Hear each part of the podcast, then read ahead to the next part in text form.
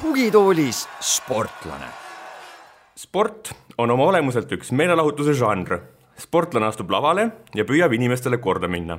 samamoodi nagu näiteks näitlejad, muusikud ja kõik muud esinejad. Kõige alus on muidugi ilmselt eneseteostus, kuid ilma publikuta poleks ilmselt nauding sama kui koos publikuga samas on üsna selge, et Eestis tegelevad arvestataval tasemel äh, publiku püüdmisega ja oma brändi loomisega üsna vähesed sportlased. miks nii?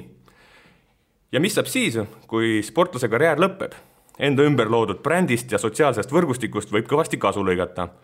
tundub, et palju raskem on edasi minna neil, kes sportlaskarjääri vältel nii-öelda nurga taga ja omaette askeldada püüdsid. eetris on järjekordne Õhtulehe podcast Tugitooli sportlane ja täna arutleme sportlaseks olemise ja enesemüümise vajaduse teemal koos endise suusahüppaja Kaarel Nurmsaluga. vestlust suunab Kaarel Täll. Kaarel, alguses tulen tagasi selle sissejuhatuse juurde ja võrdlesin äh, sportlaseks olemist näitlemise ja muusikuks olemisega. Oled sa nõus, lava, publik, show, emotsioon, midagi oleks nagu sarnast? Äh, kindlasti, tere ka kõigepealt, aga aga kindlasti ma olen sellega nõus ja eelkõige võib-olla just äh, näitlemine on nagu võib-olla sihuke kohati võlts olek selles mõttes, et sa pead olema see, kes sa tegelikult ei ole igapäevaelus, kuigi noh, ma ei tea, ei ole näitleja olnud, kui palju nad siis suudavad seda, seda rollis nii-öelda olla ja sellest välja tulla, aga aga mis muusikuga puutub, siis tegelikult ideeliselt on suhteliselt palju sarnasusi, et minnakse minnakse ennast näitama nendele inimestele, kes on tulnud just sind vaatama ja, ja tegelikult sa teed seda asja, mida sa parasjagu kõige paremini teha oskad mm. -hmm. mul on tunne, et, et seal tuleb, minu jaoks tulebki üks selline erinevus välja, et päris palju spordis väga palju ikkagi proovitakse nii teha, et või noh, tehakse ka siis tipptasemel sporti, kui, kui seda publikut eriti ei ole ja kuidagi üritatakse ots otsaga kokku tulla ja käida, küsitakse raha ja nii edasi ja nagu nii-öelda ennast äh, võib-olla ei panda niimoodi müüki, nagu muusik seda teeb, et on võimalik äh, võib-olla teisiti ka teha, aga noh, muusikul, kui ikkagi publikut saali ei tule, siis see ilmselt on tema üks viimaseid kontserte või et, et selles võis, tuleb väike erinevus sisse või äh,?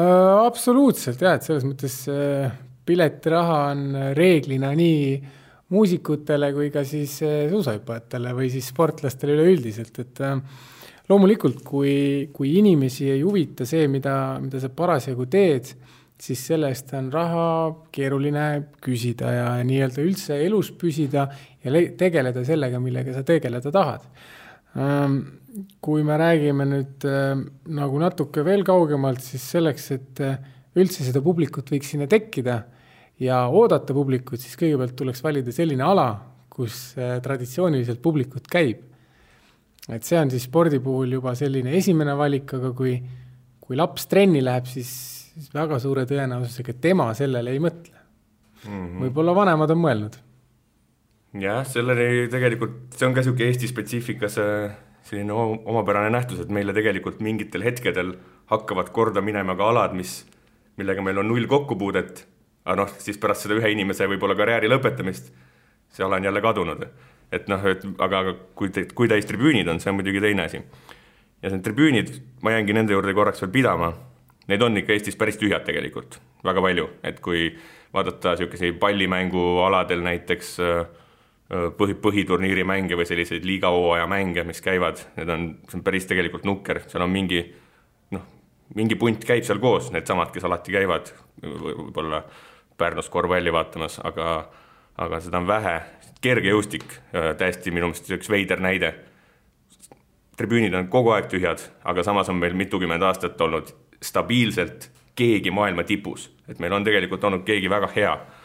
et äh, ma ei tea, mis emotsiooni sinust tekitab, et kas, kas, kas sa oled ka enda puhul nagu märganud ja leidnud ennast sellisel mõttel, et, miks inimesed ei vaata seda, mida sina teed, mida teised teevad, mida väga head sportlased teevad?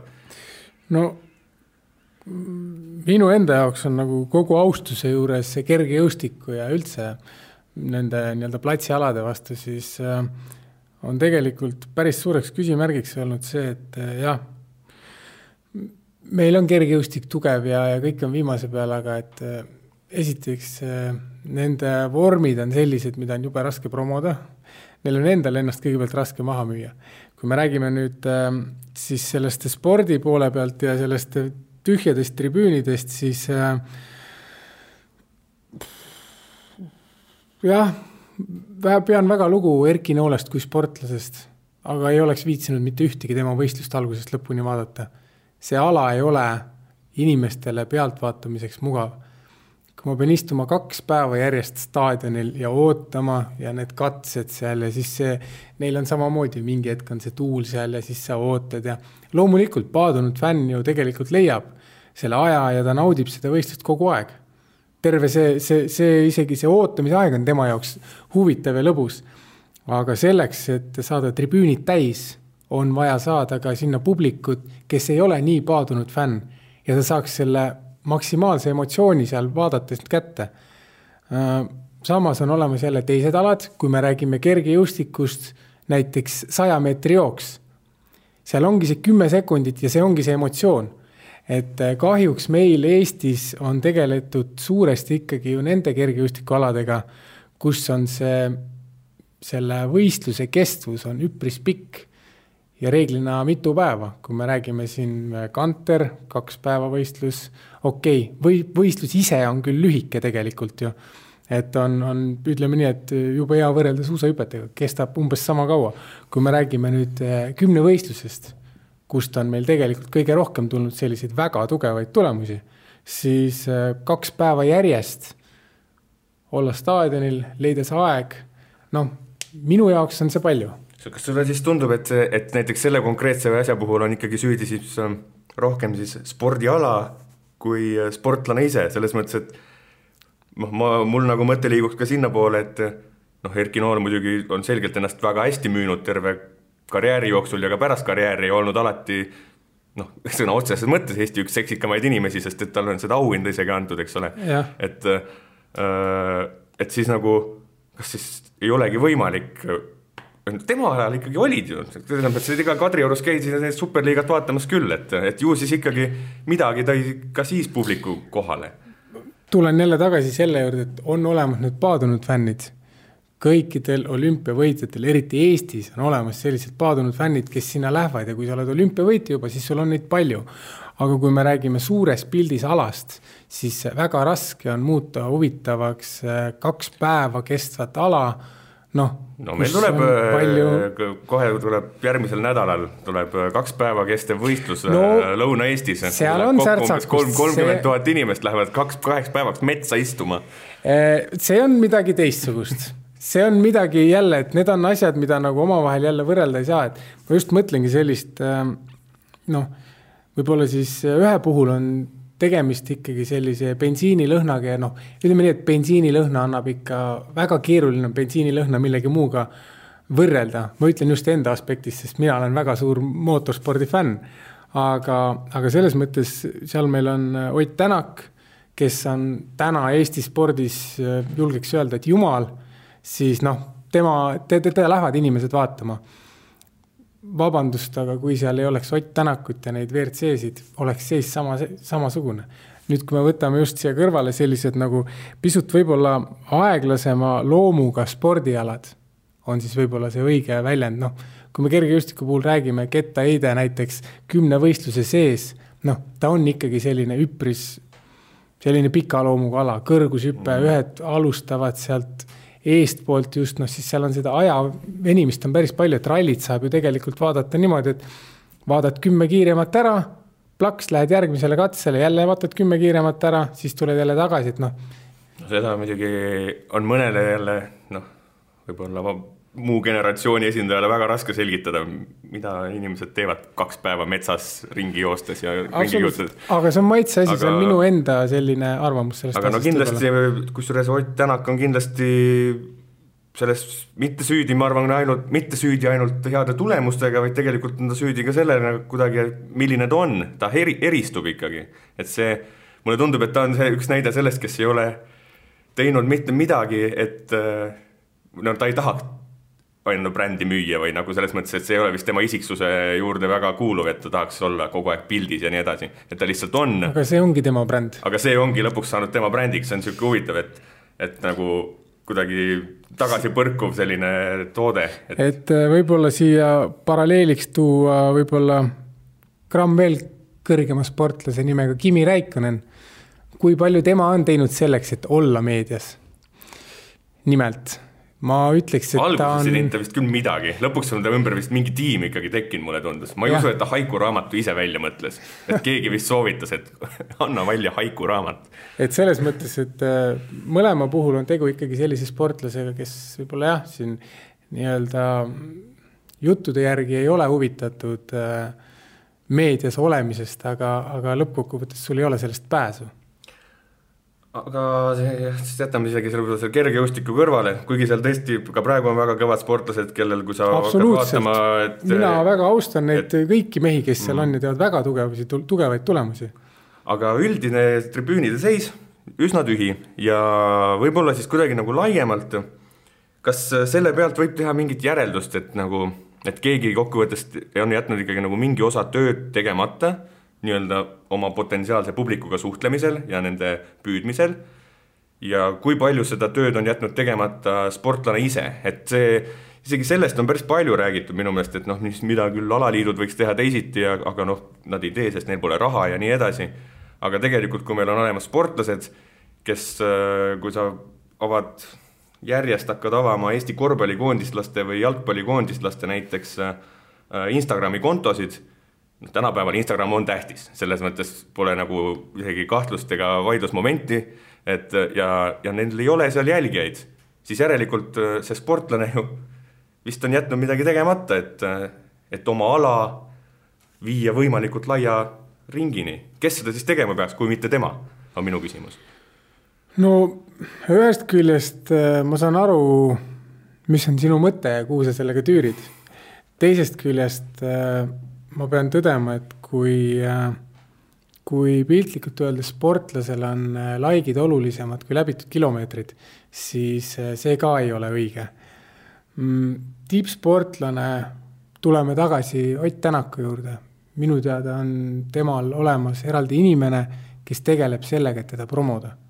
me just lõpetasime jutu, Ott ise tegelikult ei tahaks seda, aga see on vajalik.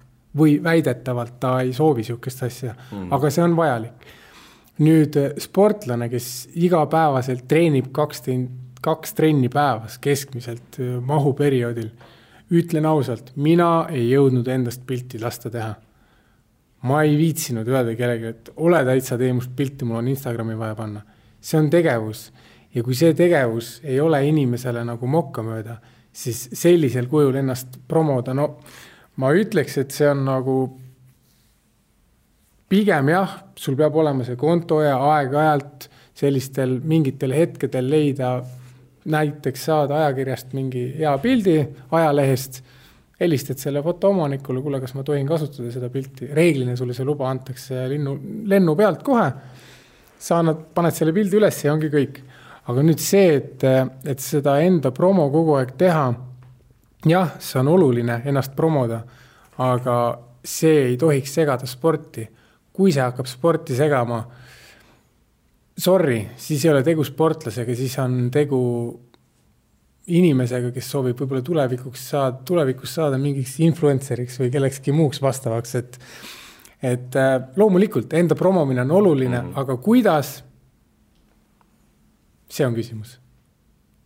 kas äh, sportlaseks nii-öelda olemise juures ei kas sa juba ei peakski olema mingis mõttes noh, see, see tänapäevane sõna nagu influencer siis või? Kas su idee ei olegi siis võimalikult suurt ühiskonna, ühiskonna mingisugust osa kuidagi kontrollida, mitte kontrollida, vaid suunata tervisliku ja ägedate eluviiside poole, aidata läbi enda isiku ma ei teagi ja edevus ilmselt on sportlastele ka ikka mingil määral sisse kirjutatud, muidu nad ei oleks vist sportlased, sest et äh, noh, nagu me natuke jõudsime, siis ega sportlane ei erine ju muusikutest ja näitlejatest väga palju, siis, äh, siis edevus no... on ka sees, et tegelikult ju idee ongi olla ju natukene influencer, see oli siis minu mõte. no reeglina sportlane on ikka jah, üle keskmise edev inimene. et sellega ma olen täiesti nõus, aga, aga jah, see, see enda promomine, seal on nagu variante on päris palju, et üks on see, et loomulikult ajakirjandus räägib sportlastest, kui nad teevad hea tulemuse või nad pigem on kehvad, et täna küsimus ongi selles, et eelkõige on vaja olla inimene. ja siis peale seda äh, võiks olla selline pigem sportlane, hea sportlane ja, ja pärast seda tulevad kõik need muud asjad. et kui sa kõigepealt suudad olla inimene, siis sa juba selle enda inimlikkusega müüd iseennast tänu sellele, et äh, kui neid, need inimesed, kes siis sinust arvavad selliselt, et sa oled meeldiv inimene või selles mõttes persoon eelkõige siis eh, see on üks müügi nii-öelda argument. ja, ja kui siia juurde panna nüüd sportlikud tulemused, siis ongi juba üpris palju koos selleks, et meedia sellest räägiks. nüüd selleks, et ise veel ennast juurde promoda, loomulikult on olemas Instagram ja Facebooki fännilehed ja, ja üldse mingid suuremad fänniliikumised kodulehe kujul ja kõik siuksed asjad. aga selleks, et selline asi saaks tekkida, noh, seal on kaks varianti. see see enda promomine, äh, selleks tuleb leida see kanal, kus sa seda ennast nii-öelda kõige rohkem promod ja selle kanali täitmine peaks olema sinu hobi. ja sinu suur kirg, noh, loodetavasti mitte nii suur kui sport, sest siis oleks asjad natuke mm. nagu tagurpidi juba. ja variant number kaks on see, et sul on selleks inimene, kes sellega tegeleb.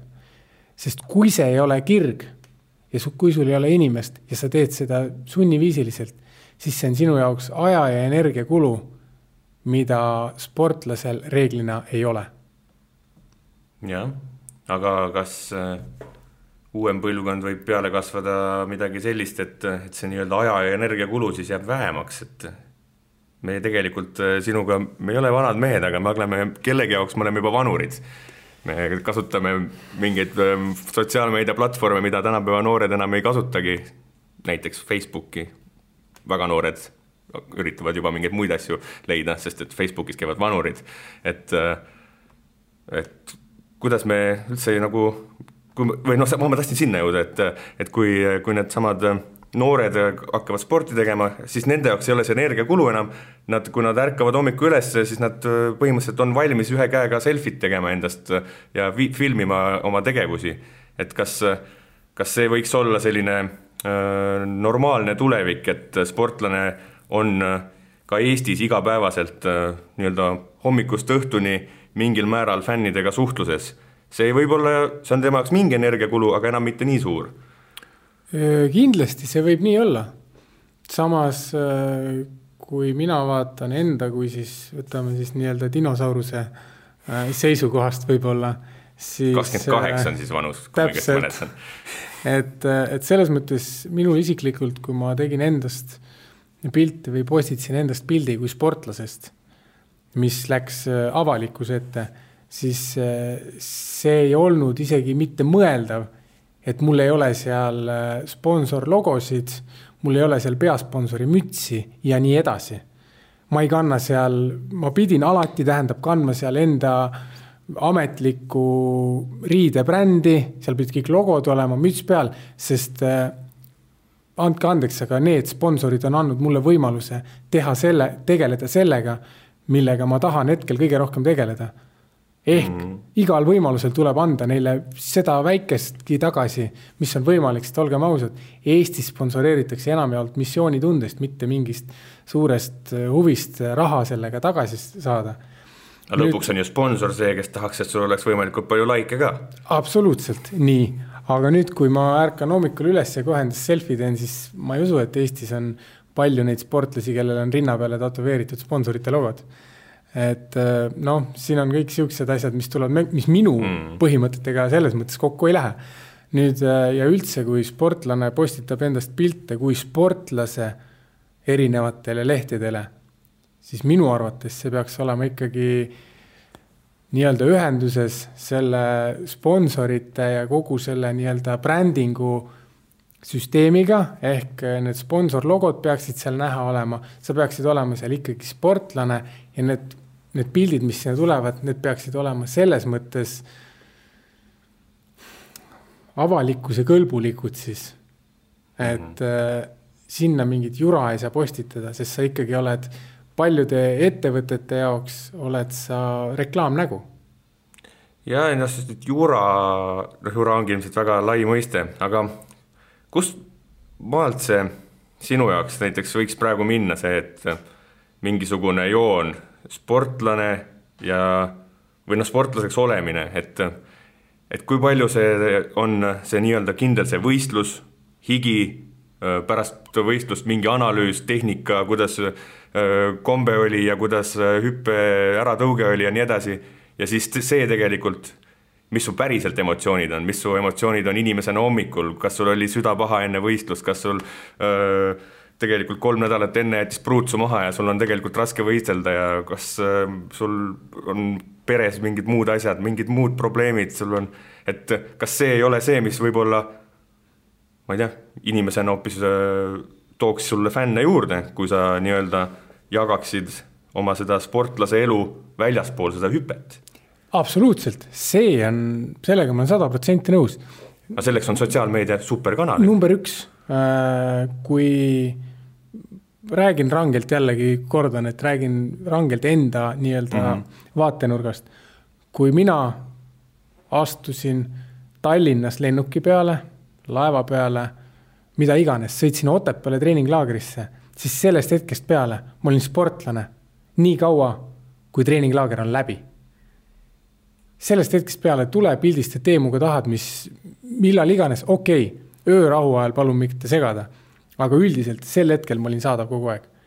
nüüd äh, see, et kui ma olen kodus, jah, ma olen sportlane, aga siis on mingisugune puhkeaeg, on aeg iseendale, jah, sportlane on avaliku elu tegelane, aga siis isiklikult võtsin ülbuse mitte tegeleda asjadega, mis parasjagu võib-olla ei olnud minu jaoks kõige meeldivamad et Meil. siin on äh, mingisugused sellised piirid on ja, ja üldse nagu mitte pahaga, aga, aga ma arvan, et see, see nii võikski olla, aga teisalt jälle, kui ma mõtlen enda treeninglaagrite peale äh,. Petter Kukkuse ajal kahevõistluses meil oli kolm trenni päevas. ma ei kujuta ette, kus ma leian aja, et äh, tegeleda sellise sotsiaalmeedia teemaga, sellepärast et ma isiklikult mõtlen, et kui ma mingi pildi panen, siis sellel nagu sportlase seisukohalt, seal võiks olla mingi mõte ja kvaliteet, noh ikka tahad formuleerida selle lause, mis sa sinna kirjutad, kõik need asjad. ja mina, minu jaoks see oli lisategevus, see ei olnud hobi hmm.. sattusin just äh, mõnda aega tagasi, eelmisel nädalal Ameerika Ühendriikides ühele konverentsile, seal esines, väga palju oli sarnasel teemal ka ettekandeid. ühe ettekande pidas äh, nimi on Julian Edelman, ta on võitnud kolm korda Super Bowli. ta on pururikas mees ja ilmselt teeb ka väga palju trenni, aga ta on, ta oli, ta on üks äh, USA mõistes üks niisugune revolutsionääri moodi tegelane, kes hakkas ju ühe esimese nii-öelda tippsportlasena Instagramis möllama lihtsalt, noh, talle lihtsalt hakkas meeldima ja ta teeb seda siiamaani, ta teenib tohutut raha, ta ei saa seda teha raha pärast, mulle tundub, see vähemalt ise väidab, et ta ei tee. idee oli selles, et, et tal on missioon, ta tahab jõuda publikuni. ta kirjutab lasteraamatuid selleks, et jõuda lasteni, sest lapsed ei vaata Ameerika jalgpalli, aga ta tahaks, et lapsed saaksid teada, et sport on lahe. see on võib-olla sellise teistsuguse äärmusliku ja ookeanitaguse näite põhjal, kas me sportlased kõige laiemas laastus, mitte sina, aga puhtalt, kui sa nüüd vaatad isegi kõrvalt, teevad piisavalt tööd, et jõuda ikkagi inimesteni, selles mõttes, et noh, mulle tunduks, et üks idee on selles, et oleks sul inimesi, kellele seda teha, muidugi sa teed seda endale ka. aga nagu noh, kel-, keegi peaks ju veel muretsema. kas nad teevad piisavalt mm,? ma usun, et äh väga palju nähakse vaeva selle nimel, et jõuda inimesteni. kas seda tehakse piisavalt, seda ma ei oska niimoodi öelda, et ähm, sellisel kujul nagu see härrasmees e. Edelmann on ta nimi. Edelmann täpselt, et äh, ma ei usu, et Eestis päris sellisel, sellise mastaabiga fänne on, aga noh, meil ei ole ka Superbowli võitjaid ja see, mis on Superbowli võit, seda on väga raske meil mõista siin. see on ikkagi väga suur asi ja, ja see on, mina isiklikult ütlen, et äh, suusahüpetes on Neljamäe turnee võit palju kõvem asi, kui on olümpiavõit, aga mm. eestlased tunnistavad olümpiavõitu yeah kõige kõvemana, et noh, see on niisugune, okei okay,, see on natuke teine teema. on, on USA-s üks noh, spordijumalatest ikkagi jah, ta tõesti on Täpselt. nagu tegija et..., aga ta, ta ei pea, noh, see, seda huvitavam see näide mulle tundus, et ta tegelikult ta ei, ta ammu enam ei peaks sellega tegelema. meedia ja kõik tunnevad tema vastu niikuinii lõputult huvi. Äh, ta jõuab igale poole, tal on raha, konto on täis, ammu juba sai täis, tuli SMS, raha ei mahu rohkem juurde.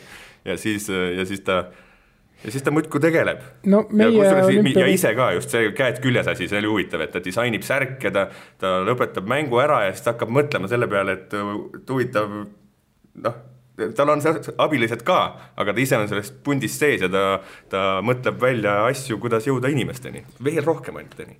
no tema on järelikult üks nendest inimestest, kes on see fänn ja kelle jaoks on see hobi mm. -hmm. Ma ei see panigi võib-olla mõtlema, et mul ei kas..., mul ei löö Eestis ette ühtegi sellist fänni, kes sellisel kujul oleks nõus panustama. Mm, võib-olla tõesti asjad taanduvad päris tihti ikkagi raha peale ja ma usun, et enne seda Instagrami juba, kui ta on olnud kolmekordne Superbowli võitja, siis eh, tal ei ole olnud ei, tal raha oli maja, olemas. majanduslikke probleeme. nüüd eh, tal ongi see võimalus teha see lüke ja, ja hakata panustama ehk ja võib-olla tegeleda erinevate heategevustega. ma ei tea, mul ei löö praegu Eestis ette nagu nii mastaapset, küll aga meil on need äh, olemas nii-öelda see skult, need spordi äh, vabatahtlikud ja, ja on erinevaid inimesi, kes, kes on väga niisuguseid spordihingega ja terve elu tegelenud sellega, aga aga võib-olla tõesti see ei ole piisav.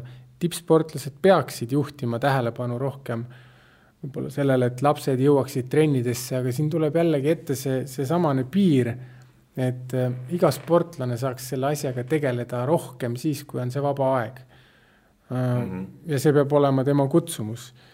Mina isiklikult ütlen, et ma olen selles mõttes nagu pigem niisugune Harju keskmik, et ma ei ole niisugune kirgas täht esiteks olnud kes võiks sellisel kujul särada ja, ja näidata teistele eeskuju. teisalt, nii palju, kui mulle on pakutud, ma olen alati sellistest asjadest osa võtnud. isiklikult ise ma olen vähe, kui mitte üldse algatanud selliseid äh, aktsioone, et, et lapsed, tulge vaadake ja tulge hüppama ja kus on hüppemägi. ilmselgelt on olnud see põhjus ka selles, et äh, siis, kui teistel inimestel on vaba aeg ja tegelevad võib-olla hobidega siis äh, meil suuresti vabal ajal oli kibekiire töö sellega, et eelarve kokku saada ja ise kõigepealt hakkama saada.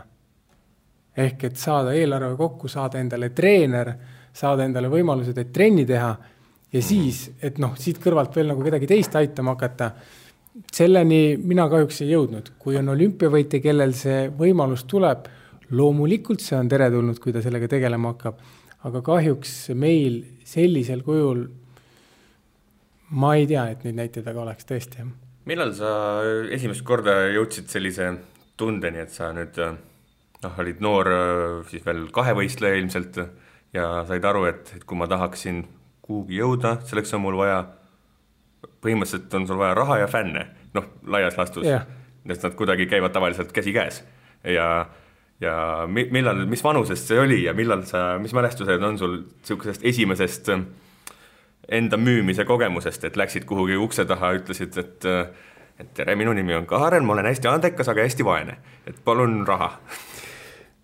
kõige esimesed sponsorid mul olid ikkagi Tammsalu kandist, aga nendega tegeles, tegeles minu isa.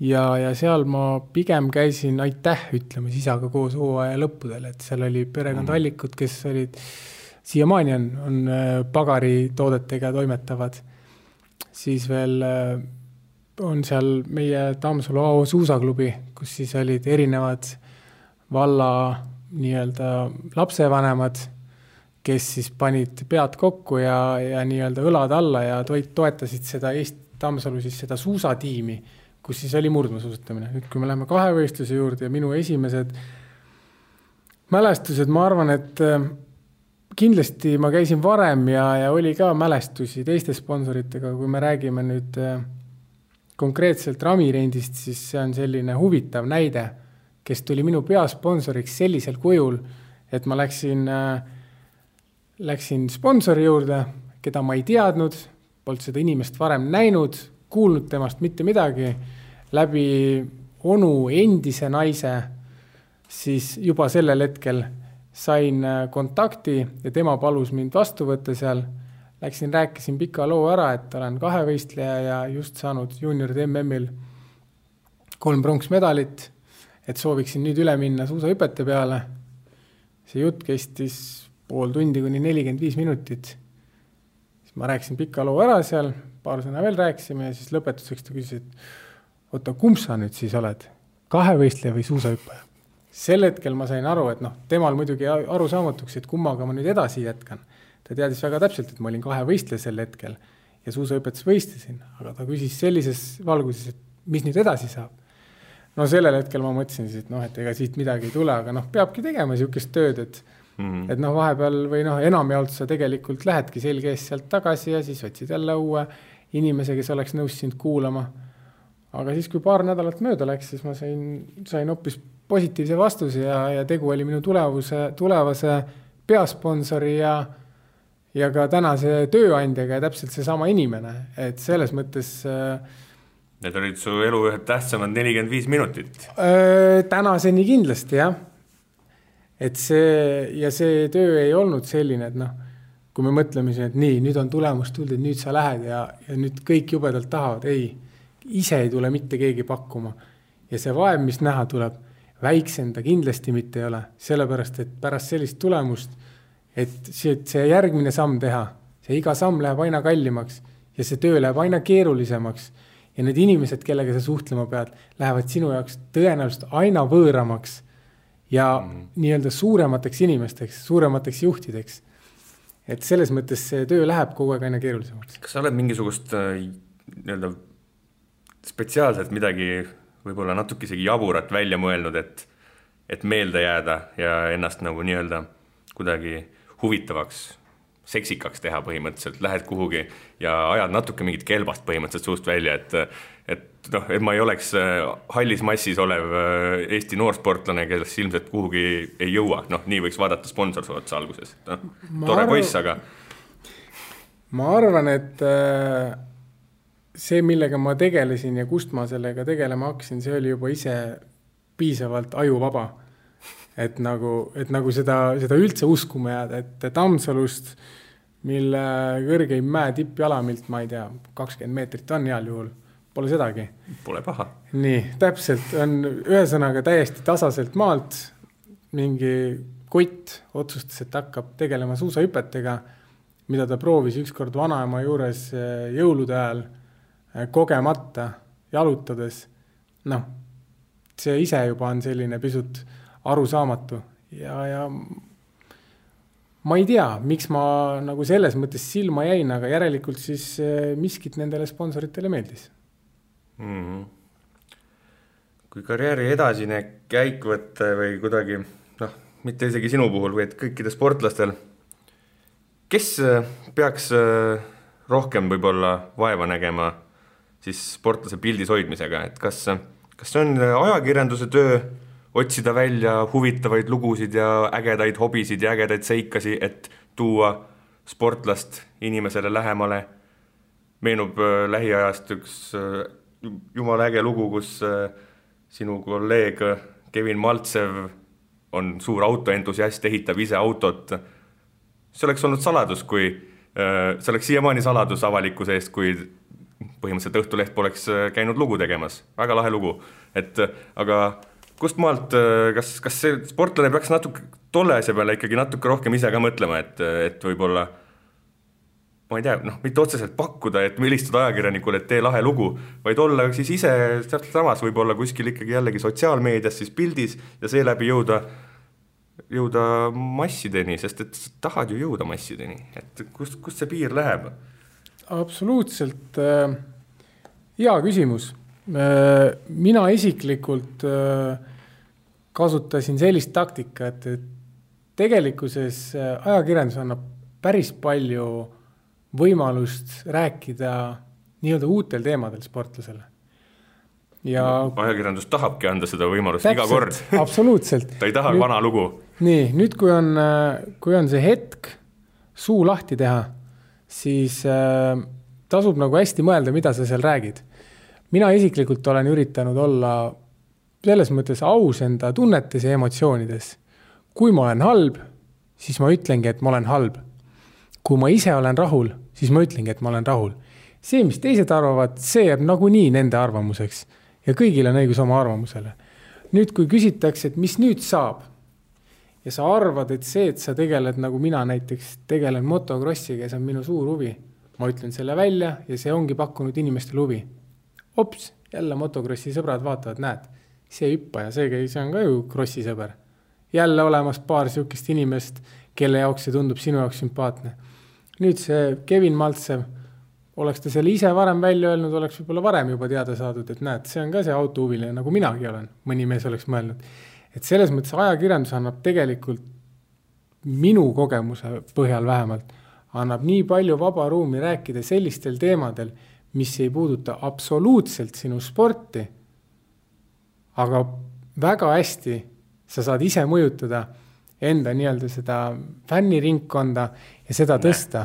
Näe, aga kas see ei ole, kas me jõuame ringiga sinna, et et, et tegelikult seesama ajakirjandus on meil tegelikult nii-öelda uuel kujul taskus olemas, meil on seal niisugune nii-öelda sotsiaalajakirjandus, kui võtta ajakirjandus, meedia yeah. sama sõnana, ja tegelikult sa saad, isegi kui see ajakirjanik ei helista sulle pärast võistlust, sul on võimalik ikkagi oma emotsioone jagada ja öelda oma mõtteid ja, ja olla seeläbi nähtav. jah siin tuleb siis need kaks erinevat äh, võimalust, et kas sa mm -hmm. siis annad läbi Instagrami või mõne mm -hmm. muu Sest kanali teada. palju, palju, paljudel spordialadel noh, ikkagi on nii, et ka ajakirjandus ei, ei hakka, ajakirjandusel on hakata, raske hakata kirjutama asjast mis ei huvita kedagi, selles mõttes, et ajakirjandus on üsna konkreetne turumajanduslik toode, kus äh, kirjutatakse sellest, mida inimene, inimene ostab, ja, ja, ja kui sa tahad sinna jõuda, siis sul on ju tegelikult võimalus taskust võtta see telefon, öelda välja, täna olin halb, homme olen parem, needsamad emotsioonid tegelikult, et, et võib-olla huvitav ja me väikese ringiga tegelikult jõudsime sinna, et see vist on, võiks olla isegi mõttekoht võib-olla.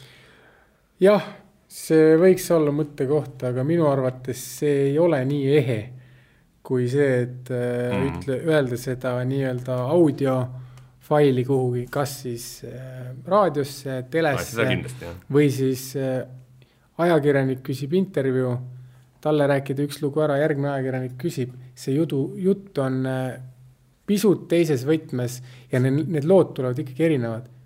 Sest olgem ausad, tõeline spordisõber loeb kõik kolm nii-öelda ajalehte läbi ära ja vaatab, mis seal spordiuudistes räägitakse. aga me tahame tõelisi spordisõpru juurde. no täpselt, et ja selles nii, mõttes. meil on vaja olla ju põnevad, et neid spordisõpru juurde tuleks. jaa, absoluutselt, et ma ütlen veelkord, et see oli nagu minu nägemus mm., mina ütlen, et peab olema fänn. kui, kui inimene on fänn ja ta on ka väga tugev sportlane, siis ta läbi Instagrami surub ennast, vahet ei ole siis läbi mis kanali ta surub ennast äh, väga kõrgele. nüüd küsimus ongi selles, et äh, peab olema eelkõige sportlane ja pärast seda see fänn mm. -hmm. kui sa oled ikkagi kõigepealt, oled see Insta, Facebooki, ükskõik mille tšikk ja üritad seal saada või, või siis kutt seal neid jälgijaid võimalikult palju ja tänu sellele mõni trenn jääb äh, võib-olla lahjemaks, et sa pead neid pilte kuskil mäe otsas vorpima ja siis pärast veel on sul jama, et sa ei saanud neid kohe üles ja siis sul läheb tuju ära, sellepärast et see pilt ei tulnud ikkagi nii hea. no see ikka ei ole õige. et pigem ikka olgem kõigepealt sportlased ja siis vaatame, et need muud asjad järgi tulevad. kuidas sulle tundub, kumb, kas sinul need õnnestunud äh, diilid olid äh, siis seetõttu, et sa olid ikkagi andekas sportlane või et sa olid tore mees? sa olid mõlemat, aga kumb mängis rohkem rolli? no tegelikult päris paljud sportla- või sponsorid on minule tulnud veits kummalisi teed pidi, et selles mõttes see kummaline tee tähendab seda, et kõigepealt ma olen inimestega kuidagi tuttavaks saanud ja siis ehk siis see tore mees mängib rolli? tõenäoliselt küll, et äh, Saku õlletehas näiteks tuli minule sponsorit, sponsoriks niimoodi, et me nägime esimest korda, kui mina jooksin Valdi Femme MM-il linna vahel ja nägin Eesti auto numbrimärki, nemad jäid seisma, oh, sina oledki Kaarel, oota meid hotelli retseptsioonis, nad olid juhuslikult samas hotellis. me rääkisime seal paari päeva jooksul juttu ja kevadest nad olid mu sponsorid. asi ei olnud üldse nii, et ma läksin või, või see oli, see oli niisugune vastastikune selline suhe tekkis, mis tänu millele ma siis saingi Sakule tehas enda sponsoriks. et ja kui me räägime siin raamirendist noh, okei okay,, seal oli mingisugune kontakt, aga kui inimene lõpuks küsib, et kumb sa siis nagu oled ja pärast seda siis äh, nii-öelda see juht ja pärast seda siis on nõus minu sponsoriks tulema. loomulikult, see on seesama, et eelkõige tuleks olla inimene, siis sportlane ja siis kõik muud asjad mm. -hmm kui mul sellest Instagramist on see, see sõna nii palju kordi läbi käinud, siis ma natuke kirjutasin välja mõned näited, lihtsalt äh, võib-olla kuulajal ka huvitav, et et kui palju siis mõnda Eesti sportlast jälgitakse Instagramist ja selle järgi saab ilmselt noh, üsna hästi aru, kui palju ta on ka vaeva näinud siis. Saskia Alusalu nelikümmend neli tuhat jälgijat, no see on tõsine tase. Martin Liiv, tuhat. Rain Veidemann, Eesti üks parimaid korvpallureid, kaks tuhat. Magnus Kirt, üheksa tuhat. Rein Taaramäe, kolm tuhat. Roomet Säädik, äh, BMX rattur, soovib saada samamoodi olümpiale nelikümmend tuhat. peaaegu sama palju kui Saskia Alusalul. Kristjan Ilves tuhat, Siim-Sander Vene kolm tuhat, Ragnar Klavan kakssada viiskümmend viis tuhat, Xenia Balta kolmteist tuhat, Anett Kontaveit viiskümmend kuus tuhat, võtame Ott Tänak kakssada üksteist tuhat, siis näiteks Raul Must tuhat, Karol Mets kuus tuhat, noh, selline väga, väga seinast seina, eks ole, ja, ja ja ma ei teagi, noh, mingis mõttes ma kujutan ette, et Saskia Alusalul noh, peab olema sellest kasu, et tal on nelikümmend neli tuhat see number. tema puhul kindlasti on kasu. aga kui me räägime näiteks Ragnar Klavanist, kes minu jaoks on täna Eesti üks, äh, kindlasti üks parimaid sportlasi, seda, kes on parim, noh, see on nii subjektiivne arvamus, aga aga kui me lihtsalt võtame objektiivsed faktid, siis äh, jalgpall, maailma mastaap, noh, ei jäta palju küsimust. et tema puhul äh, ma ei ole küll Klaavani Instagrami kontot nii pingsalt jälginud, aga tõenäoliselt seal see mass ja maht. tuli iseenesest. see ma, iseenesest ei saa no, päris tulla, aga see on, ma arvan, et see on tulnud lihtsamini kui Saskia Alusalu nelikümmend neli tuhat. jah, kindlasti, see, ta lõi, Klaavani puhul võib isegi öelda, et ta tegigi Instagrami konto, kui ta läks Liverpooli ja, ja kui sa oled Liverpooli mängija, noh, need tulevad sulle. Nad iseenesest tulevad jah, aga see kasutamata potentsiaal joonistub siit ka teise nurga alt jälle välja, et noh, näiteks Kristjan Ilvese tuhat on üsna, noh, see oli vist täpsemalt tuhat kakssada, kui ma õigesti mäletan. see on selline, see oli pigem niisugune väga nukker näide, et tegelikult ta selgelt äh, on, on tegelikult väga hea suhtleja, ta on väga aldis, ta räägib asjadest nii, nagu on, ta on ka aus, aga huvitaval kombel äh, Instagrami kaudu ei jõua eriti paljude inimesteni. Aga võib-olla nendest numbritest loeb ka päris palju välja seda, et ähm, kui tugev see ala nagu tegelikult on. ja ei, see et, ala kohta räägib ka palju, jah. et äh, jätame nagu äärmused välja, noh, okei okay,, me ei saa igal alal neid äärmusi välja jätta, et kui Saskia Alusalu on äh, nelikümmend midagi tuhat, siis äh, ja Martin Liiv on tuhat, siis noh, Martin Liiv on selline rahulik spordimees nagu mm -hmm. Kristjan Ilves ja need alad tõenäoliselt on suht sama populaarsed Ragnar Klavan, rahulik spordimees, kakssada viiskümmend tuhat. absoluutselt. et selles mõttes see on, äh, neid, neid asju on nagu keeruline võrrelda, loomulikult see räägib seda, need, kellel on seal tuhat, äh, kaks-kolm, nemad võiksid sealtkaudu saada võib-olla lisafinantsi, aga jällegi see asi peaks juhtuma nii, et see ei segaks sporti. Sellega on see, sellele teemale hea korraks joon alla tõmmata. Ja teine asi, mis, mis, millest sinu puhul, see haakub eelmise teemaga ja läheb sinna sissejuhatuses ka sai mainitud, et üks päev saab karjäär läbi ja siis hakkavad tegelikult need eelmised need karjääri jooksul tehtud töö hakkab selles mõttes teistmoodi siis ära tasuma või siis ei hakka ära tasuma, täiesti kaks äärmust. et sinu puhul sai mainitud, et, et see nelikümmend viis minutit, kus sa endale karjääri ajaks äh, tohutult olulist finantsi kogusid, see on ka täna, tänaseni sinu elatusallikas, töötad ramirendis, läksid tööle. räägi, kuidas, kuidas see, kuidas see üldse läks nagu, et äh, sai karjäär läbi ja kas sa, kas sa nagu teadsid, et see võimalus on olemas või sul oli, jõudis korraks ikkagi tek-, noh, su karjäär lõppes ootamatult, kaks korda. ja et kas sa teadsid, et see võimalus on olemas või sa olid korraks sellises äh, depressioonis ka, et nagu mida edasi teha, mida ma teen, mul, mul oli plaanis olümpiale minna, ma tahtsin medalit. esimene kord, kui ma karjääri lõpetasin äh,, said loomulikult sponsorid kõige ennem sellest teada, et läbi on. ma käisin kõikide sponsori juures ütlesin, et teate, lugu on selline, ma ei saanud seda eelarvet kokku, sellisel kujul ma jätkata ei saa, kuna, kuna selleks, et edasi minna, on vaja seda treenerit, sellist äh, komplekti, seda komplekti kokku ei saanud, see lihtsalt ei olnud võimalik. loomulikult ma olin ise väga pettunud, käisin kõikide sponsorite juures, samamoodi nagu kõigi teiste juures, käisin ma ka Ramirendis, käisin ma ka Enematis, Sakule tehasel helistasin, kõik, kes mul olid ja siis äh, see Ramirendi tegevjuht sel hetkel küsis siis, et noh, et aga mis sa siis nagu edasi tegema hakkad. Ma ütlesin, et ega, ega muud plaani mul ei ole, et sügisest ma lähen kindlasti tagasi kooli, aga aga niikaua põhimõtteliselt vaatan, kas jääb midagi ette või ei jää ja kui ei jää, siis, siis lähengi kooli ja, ja siis step by step lähen edasi, et mingisugune, mingisugune tagavara mul oli ikkagi pangaarvel, et ma täitsa nälga poleks jäänud. ja siis äh, suhteliselt lühikese aja jooksul tuli selline huvitav lause, et tead, et ennast meile suutsid maha müüa, aga kas, kas meid teistele ka suudad maha müüa? ja noh, see kõlas mm. nagu, nagu challenge sellel hetkel ja, ja oligi selles mõttes nagu asi tehtud, et, et läksin sinna tööle ja, ja, ja minu jaoks läks kõik justkui hästi, aga kui nüüd sellesama teema alguse juurde tagasi tulla, siis äh, Jaapani suusahüppajatel näiteks on selline diil, et äh, peasponsor ehk nende jaoks eh, siis ka kiivrisponsor on nende tööandja sportlaskarjääri ajal.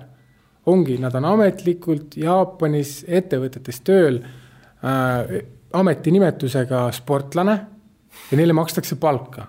nüüd, kui nende karjäär läbi saab, siis neil on sponsorlepingus on kirjas ametikoht, mis neile antakse pärast karjääri. ehk nad ei pea muretsema selle pärast, mis saab peale sporti, kas neil on töö, mis neist edasi saab ja, ja minu teada isegi palganumber on seal kirjas, mis, mis tuleb nii-öelda töötajana. Aga kui me räägime nüüd äh, Jaapani kõige legendaarsemast hüppajast, Noriaki Kasaist, siis temal on seda lepingut päris mitu korda juba uuendatud.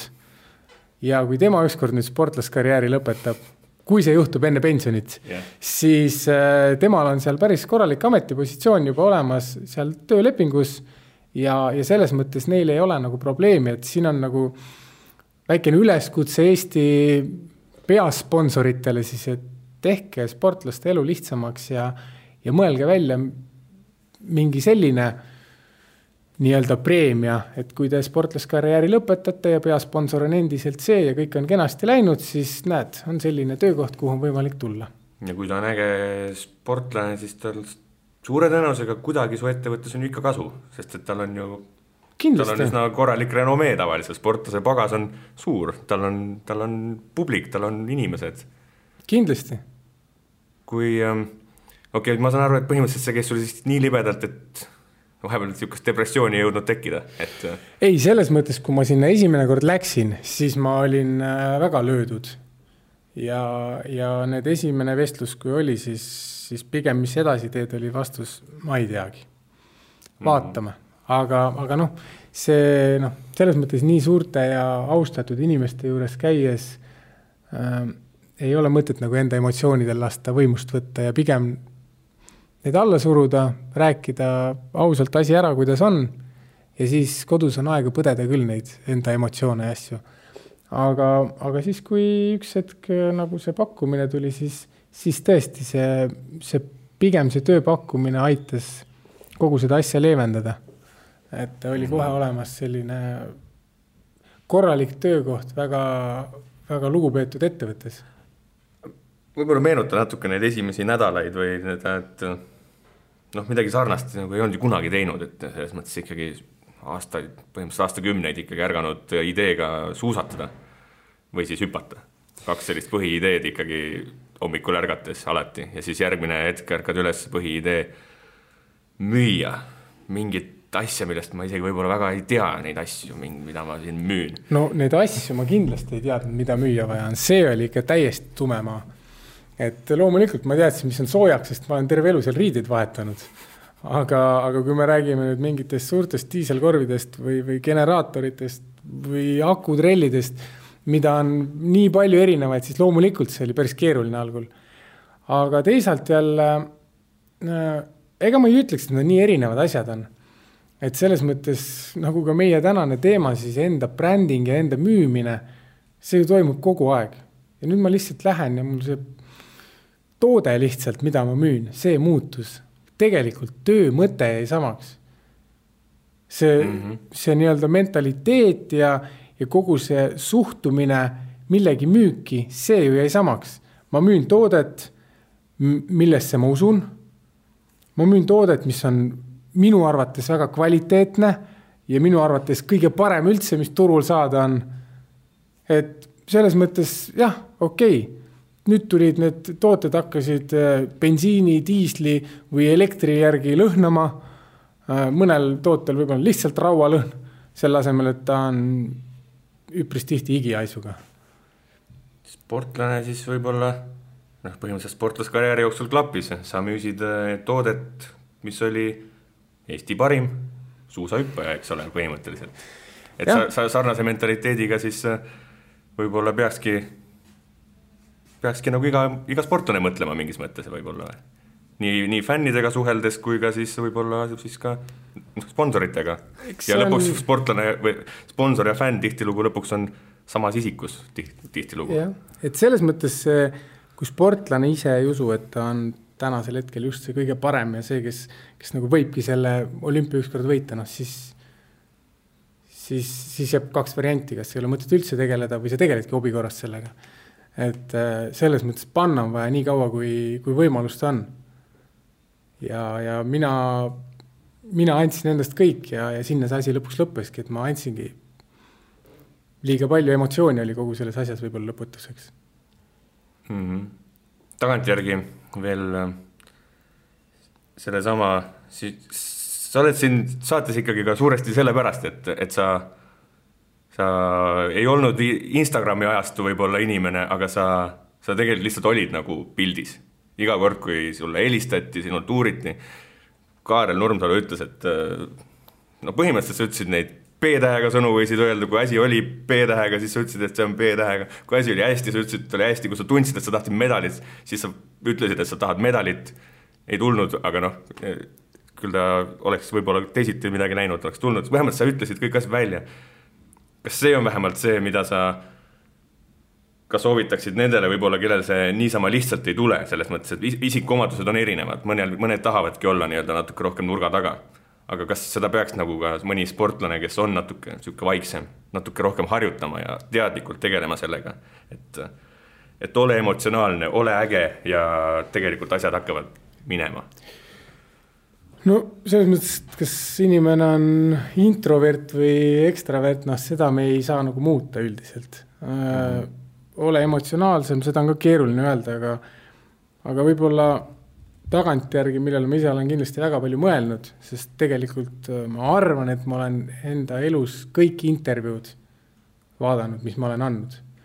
ma olen lugenud tõenäoliselt üheksakümmend üheksa protsenti artikleid, mis minust on kirjutatud, selle mõttega, et parandada kõiki neid tegevusi, mida ma siis parasjagu ütlesin, mida oleks võinud ütlemata jätta, mida oleks võib-olla veel võinud öelda, et selline eneseanalüüs, see oligi minu selline, minu nii-öelda soov enda, ennast brändida või, või minu, minu tee ennast brändida siis.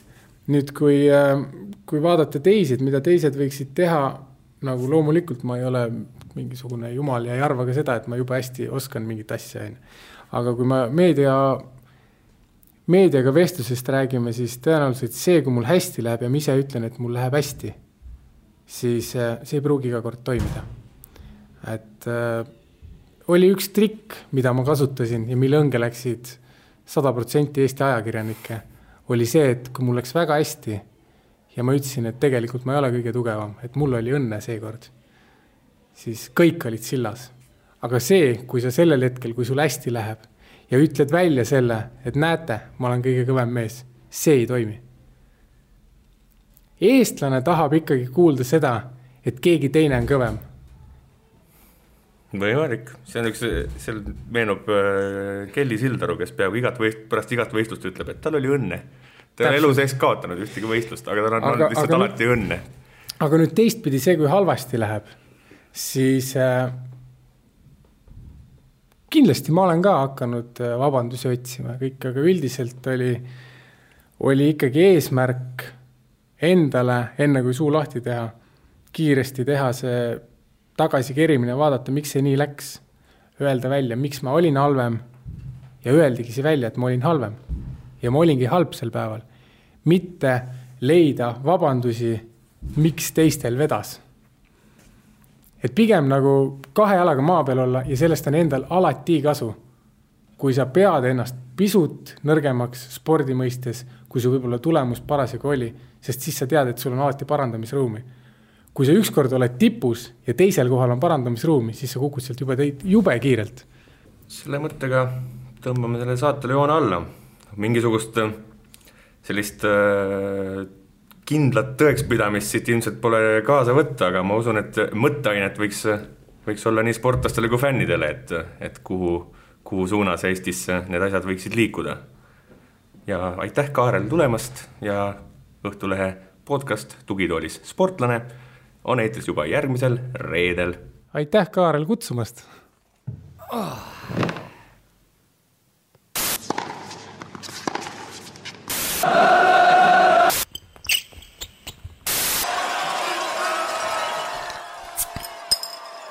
Tugitoolis sportlane